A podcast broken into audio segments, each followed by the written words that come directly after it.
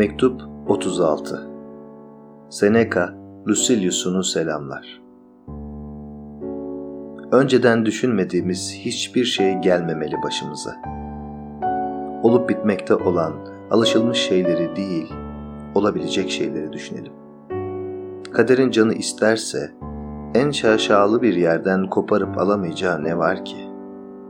Görkemiyle ışık saçmaktayken, pırıl pırılken, kader her şeye saldırıp sarsmaz mı? Zor, sarp tanır mı kader? Hem de her zaman aynı yolu izlemez, işlek bir yolda koşmaz.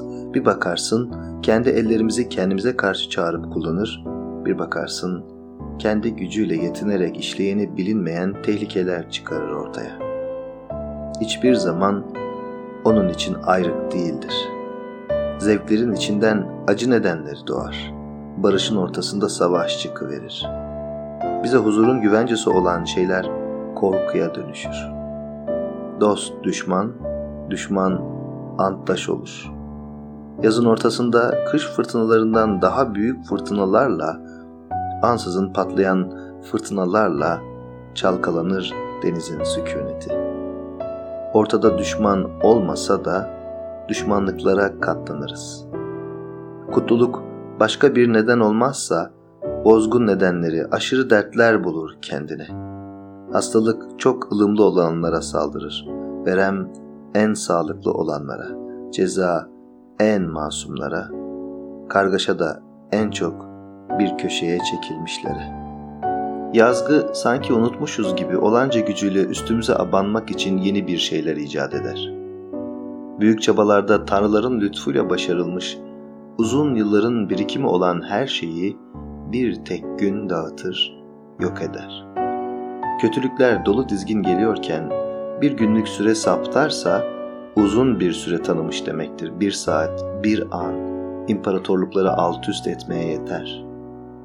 Her şeyin yok olma süresi, oluşma süresi kadar olsa güçsüzlüğümüz için, başımızda dolaşan olaylar için bir çeşit teselli olurdu.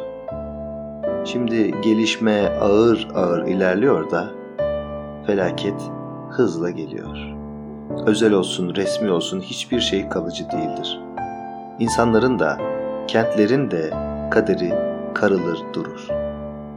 Çok sakin olayların içinde bir dehşet saklıdır. Kabaran, fokurdayan nedenlerden dışarı hiçbir şey sızmadığı bir sırada felaket hiç beklenmedik bir yerden patlak veriverir. İç savaşlara, dış savaşlara katlanabilen krallıklar hiçbir nedenle itilmeden birdenbire çöküverirler. Kaç devlet mutluluğa, refaha dayanabildi ki? O halde her şeyi göz önüne alıp düşünmeliyiz. Ruhumuzu gelebilecek her felakete karşı güçlendirmeliyiz. Sürgünler, hastalık sıkıntıları, savaşlar, deniz kazaları. Düşün bunların hepsini. Felaket seni yurdundan, yurdunu senden koparabilir. Seni çöllerin ortasında bırakabilir. Şu insanların kalabalığa boğulduğu yerler birer çöle dönüşebilir. İnsan kaderinin her koşulu gözler önünde tutulmalı. Ansızın ummadığımız zamanda bastırılarak pek bilinmeyen olaylara yeni şeylermiş gibi bakarak dona kalmak istemiyorsak, bu koşulların ne kadar sık oluştuğunu değil, ne kadar çok şekilleri olabileceğini aklımızdan çıkarmayalım. Kaderi bir bütün olarak her olasılığıyla düşünelim. Ruhumuzu kaderini anlamaya olduğu gibi kabul etmeye hazır edelim. Kaderin göze alamayacağı hiçbir şeyin olmadığını öğretelim ona. Kaderin imparatorluklara karşı da, onlara hükmedenlere karşı da aynı haklara sahip olduğunu, kentlere karşı da, insanlara karşı da güçlü olduğunu öğrensin. Bu işte gücenecek, kırılacak bir şey yok. Bu yasalarla yönetilen bir dünyaya açtık gözlerimizi. Eğer özellikle sana karşı konmuş bir madde varsa gücen, yok. Eğer bu zorunluluk küçüğü de, büyüğü de bağlıyorsa, her şeyi çözüp atan kaderle barış içinde ol. Mezarlarımıza göre, yol boyunca uzanmış o büyüklü küçüklü anıtlara göre değer biçme bize. Ölü külleri herkesi eşit kılar. Eşit olmadan doğduk, eşit olarak ölürüz. kentler içinde, kentte yaşayanlar için de aynı şeyi söylerim. Ardea'yı da Roma'yı da aldılar. İnsanlığın en büyük yasa koyucusu bizleri doğuşumuza, soyumuzun ünlü oluşuna göre değil, sadece yaşadığımız süreye göre ayırdı birbirimizden. Ölümsüzlüğün sınırına geldiğimizde kalk git ey ihtiras dedi. Toprağa ayak basan herkes için aynı yasa geçerli olsun. Her şeye göğüs germede eşitiz. Hiç kimse ötekinden daha kırılgan değildir. Makedonya kralı İskender geometri öğrenmeye başlamış. Behey mutsuz. Aklı sıra bir küçücük bölümünü zapt ettiği yeryüzünün ne kadar küçük olduğunu öğrenecek. Evet, mutsuz diyorum. Kendisine yanlış bir lakap takıldığını şundan öğrenmeliydi. Küçük olan bir yerde kim büyük bir şey yapabilir ki? Günümüze kadar gelen meseleler çok ince, dikkatle, titizlikle öğrenilmesi gereken şeylerdir. Akılsız okyanusların ötesine varmak için kafa yoran bir insanın anlayabileceği şeyler değildir. İskender, bana kolay şeyler öğret dermiş hocasına.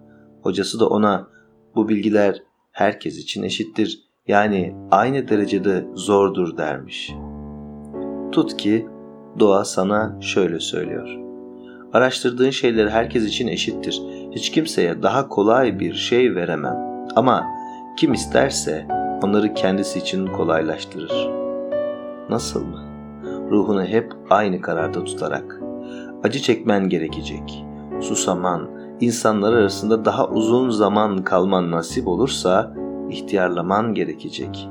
Hasta olman, çöküp yok olman gerekecek.''